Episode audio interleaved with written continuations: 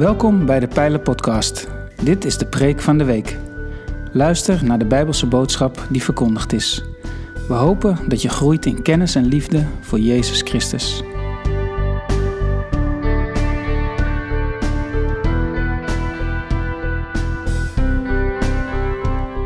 Ook in de Pijler zijn we gestart met een nieuwe kerkelijk jaar.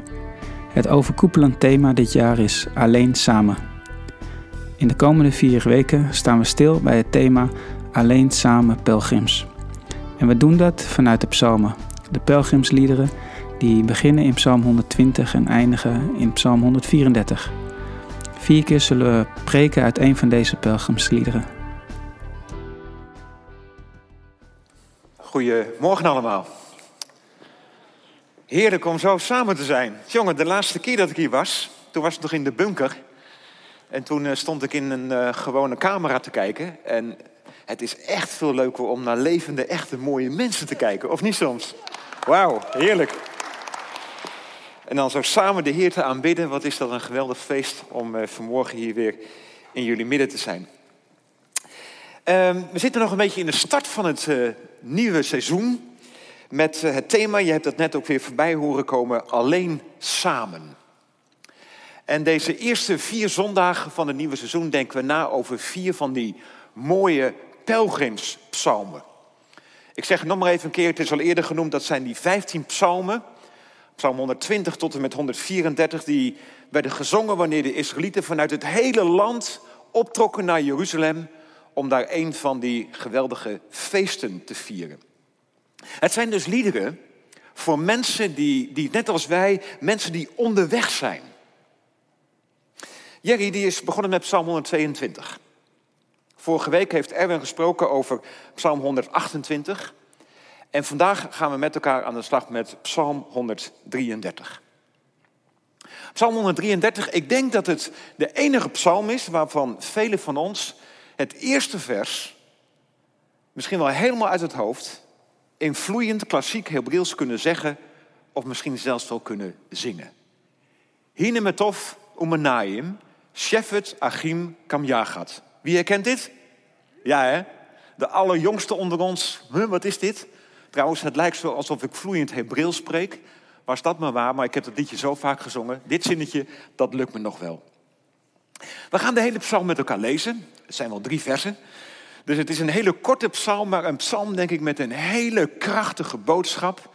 Ook voor ons als gemeente vandaag. Een actuele boodschap. Je mag het meelezen vanaf het scherm. Psalm 133 en ik lees hem vanuit de herziene statenvertaling. Laat me zien het eerste vers. Dat is een heel leeg vers. Ja, daar komt hij aan. Zie hoe goed en hoe lieflijk is het dat broeders ook eensgezind samenwonen. Dus op Hebreeuws, Hinemetov Umenayim, Shefet Achim Kamjagat. En dan gaat de schrijver van deze psalm, er wordt vanuit gegaan dat dit David is, deze gedachte, deze mooie gedachte uitwerken met twee beelden. Let op, de twee zinnen, de twee teksten die we nu gaan lezen, die beginnen allebei met het is als, en dan gaat het over hoe kostbaar en hoe lieflijk is het. Het is als, vers 2, het is als de kostelijke olie op het hoofd die neerdaalt op de baard. Laat vers 2 maar zien als je wil. Dan kunnen we meelezen. Lukt dat?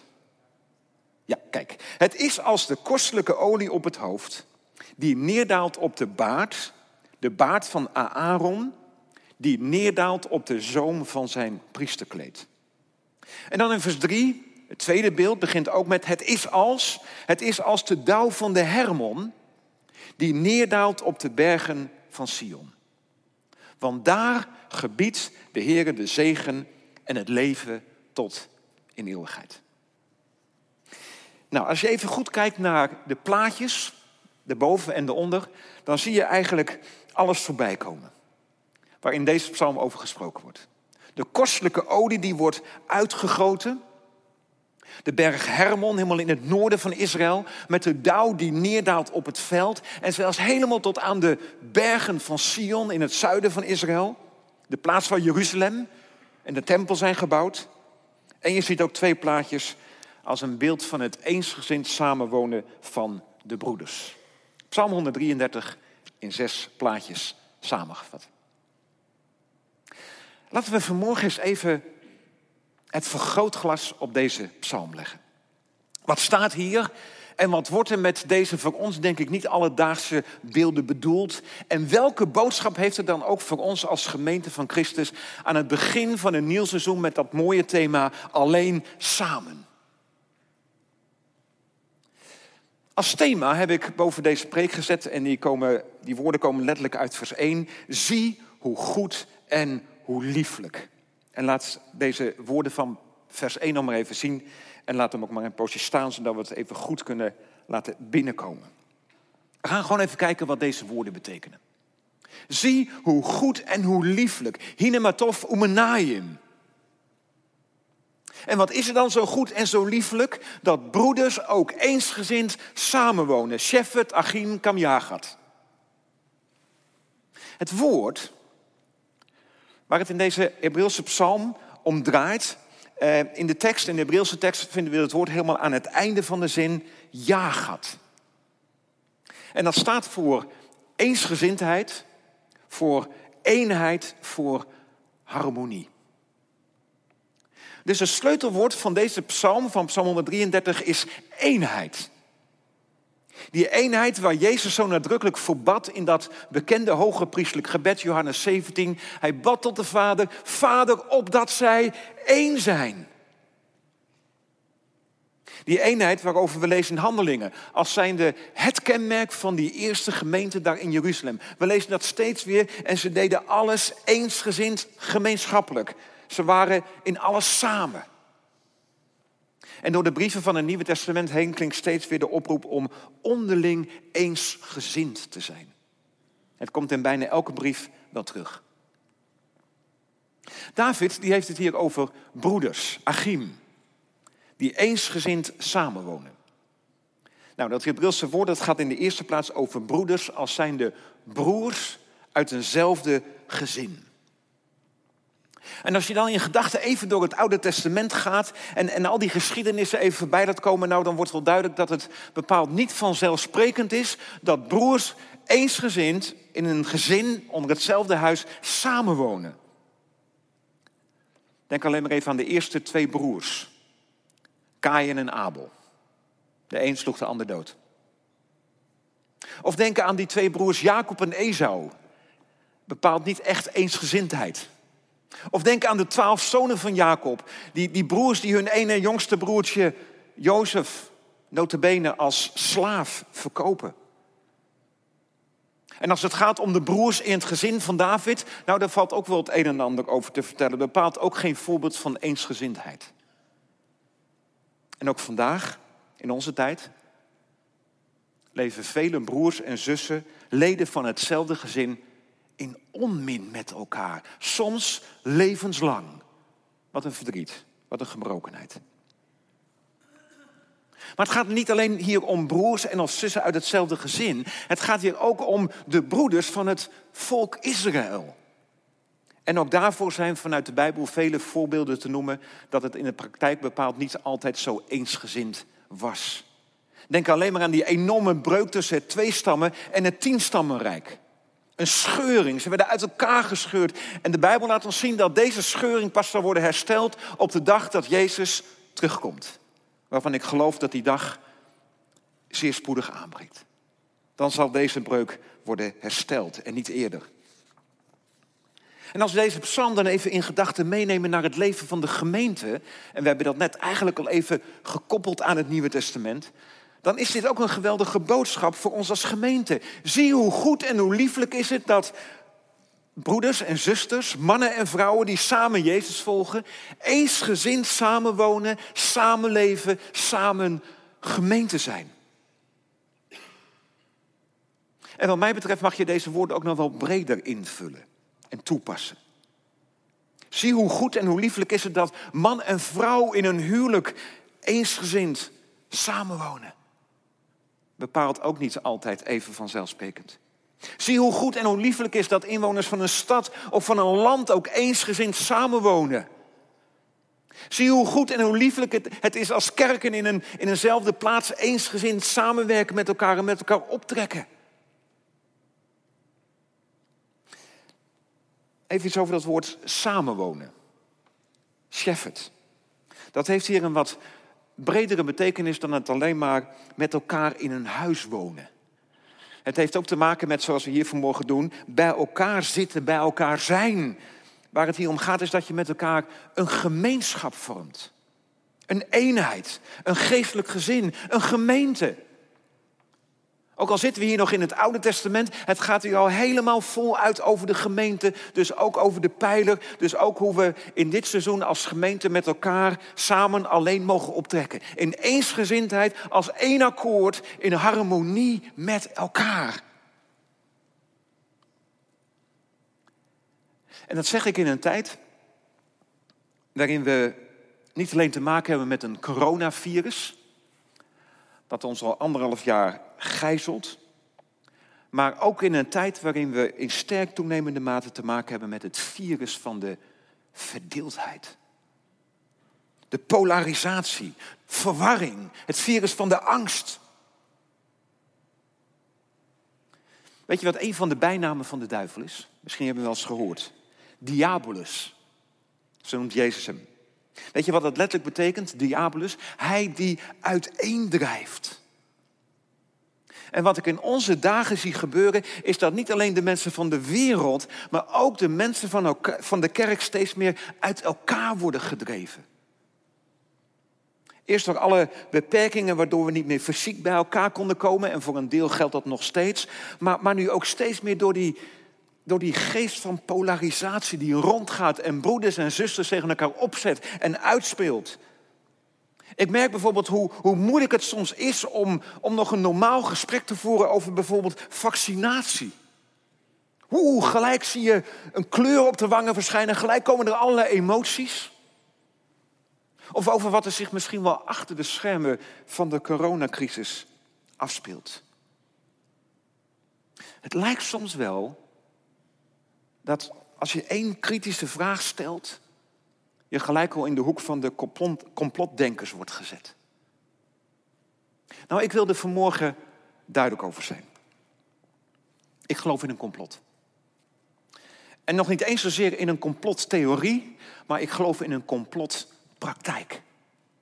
Ik zie een complot in deze wereld zich, zich ontvouwen. Een complot van de duivel om elke vorm van eensgezindheid, ook in Gods gemeente, kapot te maken. Waarbij de discussie over corona en vaccinatie soms wel een splijtsvlam lijkt te worden, maar er zijn er nog wel een paar. Waar we in onze tijd mee te maken hebben. Onderwerpen waardoor broeders en zusters tegenover elkaar komen te staan. Alle discussies over de LHBTI, over het gezag van Gods woord. Over leven in de eindtijd en wat dat betekent.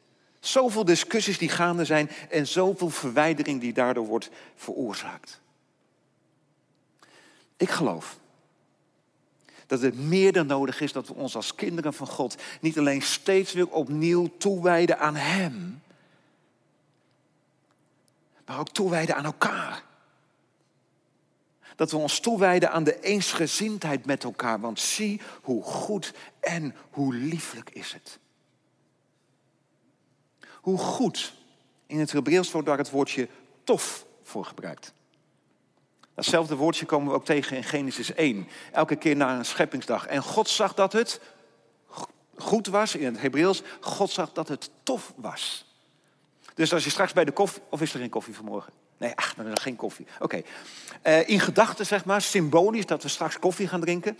Uh, en je zegt tegen elkaar, dat was een toffe dienst. Dan gebruik je eigenlijk gewoon een heel Hebreeuws woord. Dat was een goede dienst. Ik hoop tenminste dat je het zo beleeft. Ik in ieder geval wel. Als God zegt, het is tof, als hij hier zegt, het is tof als broeders in eensgezindheid samenwonen, dan bedoelt God hier te zeggen, het is goed, het is zoals ik het bedoeld heb. Het is zoals Jezus zo indringend heeft gebeden, Vader, opdat zij één zijn. Zie hoe goed en hoe lieflijk het is. Umanaim. Hoe lieflijk. Of ook te vertalen met hoe aangenaam, hoe verrukkelijk. Wanneer er eenheid is in een huwelijk, in een gezin, in een familie, in een land, in een kerk. Dan is dat in de eerste plaats stof voor God, zoals Hij het heeft bedoeld, zoals Hij het zo graag ziet. Maar het is in de tweede plaats ook lieflijk. aangenaam, verrukkelijk voor de mensen. Laten we eerlijk zijn, het is toch heerlijk om te zijn op een plaats, om deel uit te maken van een gemeenschap waar eenheid is. Ik kom straks nog even terug op die eenheid en dan met de vraag, en dat is een hele belangrijke vraag, waar deze eenheid dan op gebaseerd moet zijn. Maar laten we eerst eens kijken naar hoe David als een echte dichter, schrijver, componist twee mooie voorbeelden gaat geven van hoe goed en hoe lieflijk dat dan is als broeders in eensgezind samenwonen. En wellicht zou David, als hij in deze tijd had geleefd, in deze tijd die psalm had geschreven, andere voorbeelden hebben gebruikt. Maar als we nu deze twee beelden even gaan proberen te pakken, dan denk ik dat ze ons ook wel heel erg gaan aanspreken. De eerste is in vers 2, laat me zien. Het is als de kostelijke olie op het hoofd die neerdaalt op de baard, de baard van Aaron die neerdaalt op de zoom van zijn priesterkleed. Kan vers 2 even getoond worden? Dan kunnen we die ook even weer allemaal meelezen. Met deze woorden schetst David het, het, het, het plaatje van dat bijzondere moment waarop Aaron en in navolging van hem alle andere priesters in de tempel werden gezalfd met olie ter bevestiging van de heilige roeping die ze van God hadden gekregen. We lezen daarover op een aantal plaatsen in het, in het Oude Testament, waarbij ook heel gedetailleerd wordt verteld wat dan de samenstelling was van die heilige zalfolie. Het was een, een heerlijk geurende olie als een, soort, als een soort parfum. Het was werkelijk kostelijke olie. En als het zo wordt omschreven, kostelijke olie, dan zegt dat volgens mij iets over de prijs van die olie, maar ook over, over de kwaliteit van deze olie. Het was het beste van het beste om de priesters in de tempel te zalven voor hun dienst. Ik ga gelijk even een sprongetje maken. In het Nieuwe Testament lezen we dat wij als Gods kinderen, wij allemaal, dat wij geroepen zijn tot priesters. Wist je dat? Wist je dat je van God een priester bent? En weet je wat de, wat, wat, wat de taak, of om het met een wat groter woord te zeggen, wat de bediening is van een priester? Heel kort in één zin samengevat. God bij mensen brengen en mensen bij God brengen. Dat is de taak van een priester. God bij mensen brengen, mensen bij God brengen. En als wij dan ook geroepen zijn om een priester te zijn, wist je dat God dan ons ook wil zalven met, met heilige, kostelijke, geurende zalfolie? Een beeld van de Heilige Geest. Waardoor je, zoals Paulus dat zo mooi schrijft in 2 Korintiërs 2, vers 15, een aangename geur, een parfum van Christus gaat verspreiden. Daar waar Gods kinderen in eensgezindheid samenwonen, daar zal deze heilige zalfolie van de Heilige Geest neerdalen. En daar zal de aangename geur van Christus worden verspreid. Olie heeft in de Bijbel heel veel verschillende betekenissen. Geurende olie, bijvoorbeeld badolie, geeft rust. Waar eenheid is in de gemeente, daar is rust in de gemeente. Daar is het aangenaam, daar is het goed om te zijn. Olie heeft ook te maken met genezing. Denk maar aan wat Jacobus schrijft, dat als iemand ziek is, dan moet je ook gewoon een afspraak maken met de dokter. Maar dan mag je ook de oudste bellen en dan mag je vragen of ze bij je langskomen om je te zalven en te bidden om genezing. Heilige zalfolie. Wanneer iemand wordt gezalfd, tenminste ik neem aan dat het hier zo ook de praktijk is, dan, dan wordt zijn of haar hoofd gezalfd. Maar in dit beeld, in Psalm 133, gaat het nog verder. Het is als de kostelijke olie op het hoofd die neerdaalt op de baard, de baard van Aaron, die neerdaalt op de zoom van zijn priesterkleed. Dit betekent dat hier iemand wordt gezalfd met zoveel olie dat het afdruipt van zijn hoofd over zijn baard en zelfs tot de zoom van zijn priesterkleed. En wat we hier lezen, zo mooi. Dit is een beeld van de overvloedige, overvloeiende zalving en zegen die God schenkt daar waar zijn kinderen in eensgezindheid als gemeente bij elkaar zijn. Ik moest denken aan wat er jaren geleden met mij thuis gebeurde. Ik woonde toen nog in Huizen, niet zo ver hier vandaan. En in die tijd hadden wij één keer in de maand op zondagavond een, een ontmoeting met mensen die een bediening hadden in de gospelmuziek. Uh, bekende en minder bekende gospelارtiesten van die dagen kwamen dan bij ons thuis en we hadden een tijd van aanbidding met elkaar. We zegenden elkaar, we bemoedigden elkaar. Dat waren hele kostbare avonden. Op een avond gebeurde het dat een van de aanwezigen aan het begin gelijk zei: uh, Ik heb het op mijn hart gekregen om iemand die hier vanavond aanwezig is, om die te zalven met olie. Is daar ruimte voor? Tuurlijk, altijd goed. En die iemand bleek Dolf Forsterman van Ooyen te zijn. De toenmalige leider van de Burning Candles. Kennen we die nog? De Burning Candles, een gospelformatie uit Zwolle, ergens uit de jaren tachtig. Zo oud ben ik al. Uh, en uh, het was zo dat Dolf op die avond, uh, hij was eigenlijk voor die avond voor de laatste keer bij, bij ons, want hij zou naar Duitsland gaan verhuizen om daar leiding te gaan geven aan een muziekbijbelschool in Zuid-Duitsland. Dolf is inmiddels al jarenlang bij de Heer, maar wat heb ik veel goede uren met deze broeder meegemaakt. En op een gegeven moment was het zover en uh, die man die, die zei van nou mag ik dan Dolf gaan zalven nu? Ik ga je gang. Hij zei maar misschien is het beter als we even naar de badkamer gaan. Oké. Wij met z'n allen naar de badkamer. We stonden daar echt bepaald geen anderhalve meter afstand. Hutje mutje bij elkaar in de badkamer. En op een gegeven moment pakte die man een, nou niet een flesje, maar een flinke fles uit zijn binnenzak. Hij deed de dop eraf en ik ging al begrijpen waarom we naar de badkamer moesten. Hij deed wat, uh, wat, wat, doeken om de schouders van, van, van Dolf. En hij ging Dolf salven. En, en werkelijk dat hele flesje olie werd helemaal uitgegoten over, over Dolf. En het stroomde over zijn hoofd en over, de, over, over die, die, die doeken, maar ook over zijn kleren. En, en, de, en de badkamer werd vervuld met een heerlijke geur. En ik moet je zeggen, we hadden de grootste lol met elkaar. Het was echt een komisch gezicht. Maar tegelijkertijd, het was zo'n heilig moment. Wauw. Zo'n mooi beeld van de, van de overvloedige, overweldigende zalving die God wil geven daar waar zijn kinderen in eenheid samenleven. Alsof het nog niet genoeg is. Er wordt nog een tweede beeld gegeven. Ook vers 3, laat het volgende vers maar zien. Ook vers 3 begint met deze drie woordjes. Het is als. Het is als de dauw van de Hermon die neerdaalt op de bergen van Sion. Want daar gebiedt de Heer de zegen en het leven tot een eeuwigheid. Nou, ik denk dat ook dit beeld wel om enige uitleg vraagt. Bij voorbaat, de boodschap is eigenlijk dezelfde als die we net hebben gezien bij het eerste beeld van vers 2. Ook hier gaat het om een, om een overvloedige zegen die God wil schenken.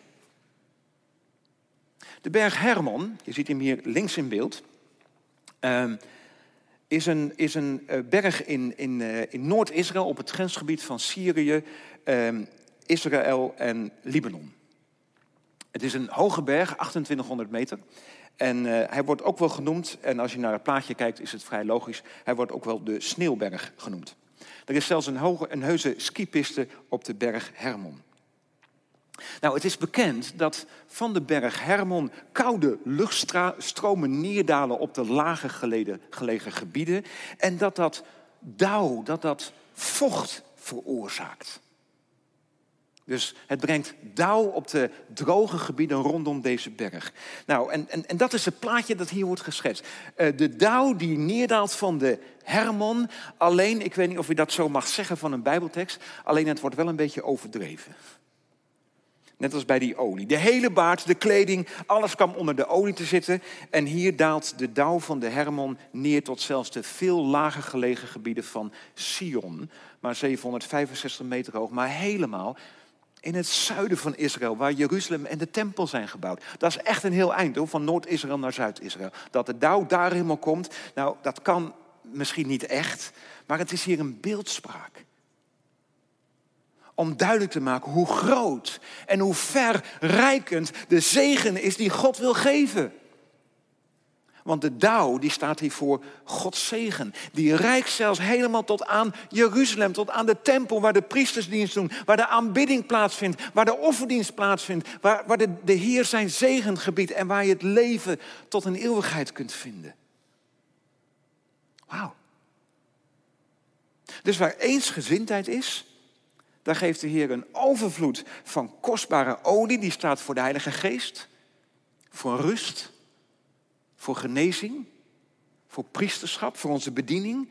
En daar geeft de Heer een overvloed van dauw, die staat voor rijke zegen. Zoals we vroeger zongen in zo'n mooi lied. Er komen stromen van zegen.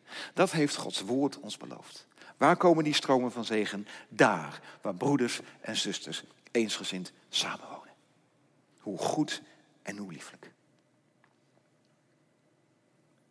Mag ik nog even terugkomen op die vraag die ik net al aankondigde?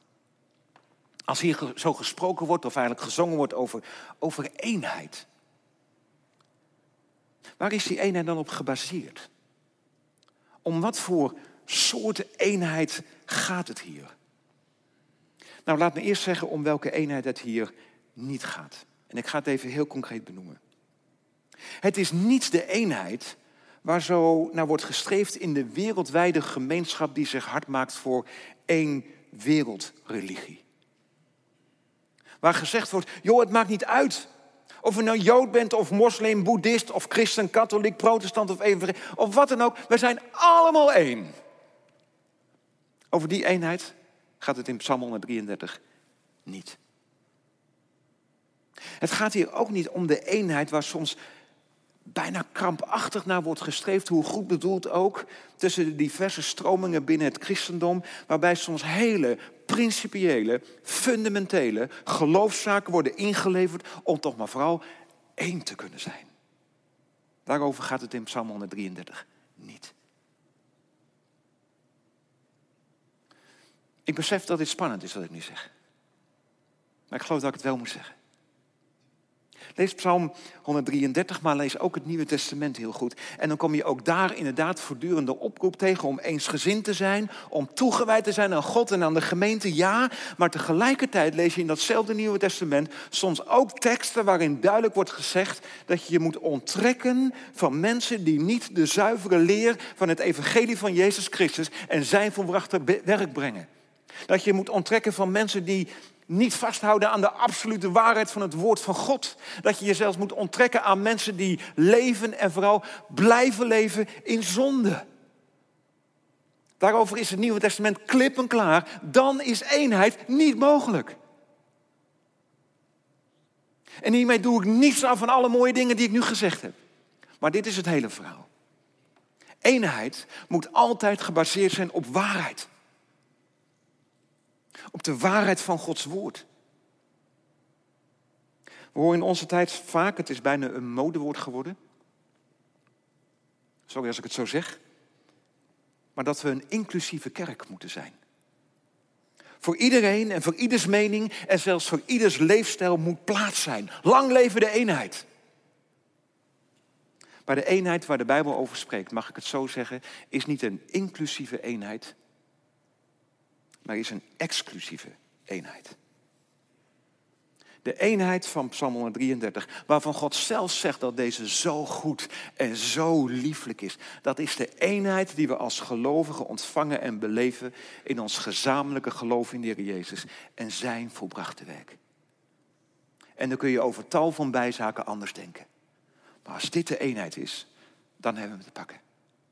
Het is de eenheid die je mag beleven in het eerbiedig buigen voor het woord van God, dat ons door zijn geest steeds weer geopenbaard wordt. Het is de eenheid die we mogen beleven in het gezamenlijk volgen van de Heer Jezus en in het elkaar dienen en liefhebben als leden van hetzelfde lichaam. Dat is de eenheid die goed en lieflijk is.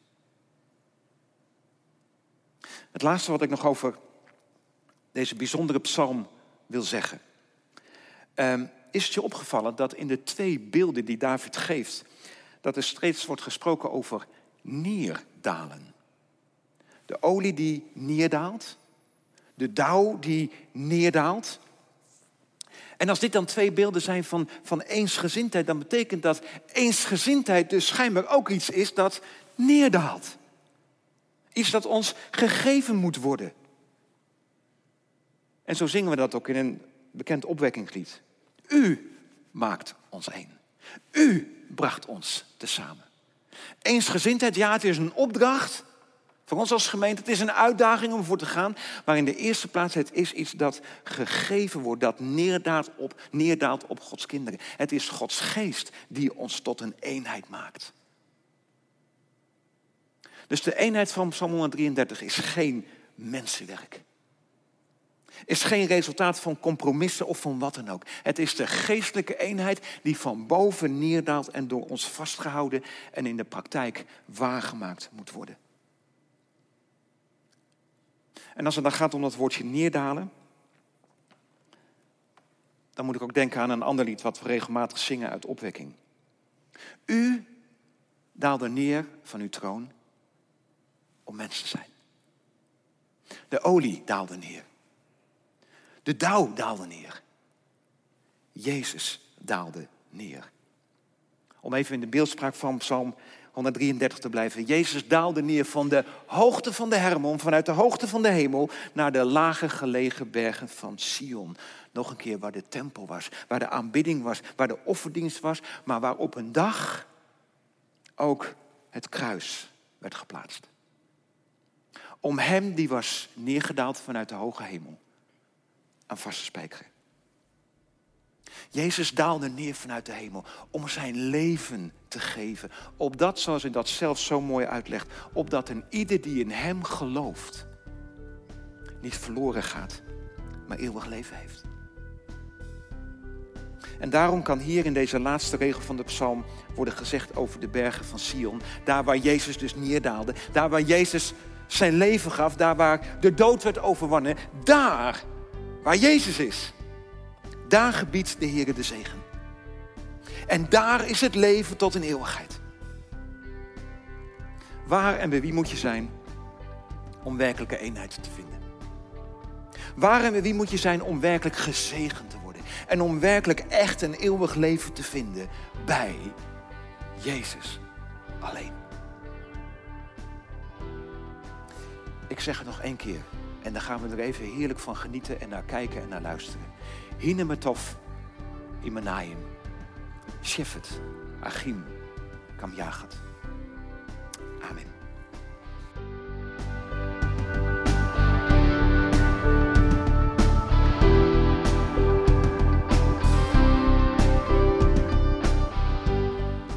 Bedankt voor het luisteren naar deze aflevering van de Pijlen Podcast, Preek van de Week. Heb je vragen naar aanleiding van deze preek? Stel ze. Dat kan via een e-mail naar onderwijs.pijler.nl. We helpen je graag verder in je groei als leerling van Jezus Christus. Abonneer je op deze podcast, zodat je altijd op de hoogte blijft van het onderwijs uit de pijler. Goede week gewenst, ga in vrede, want God is nabij.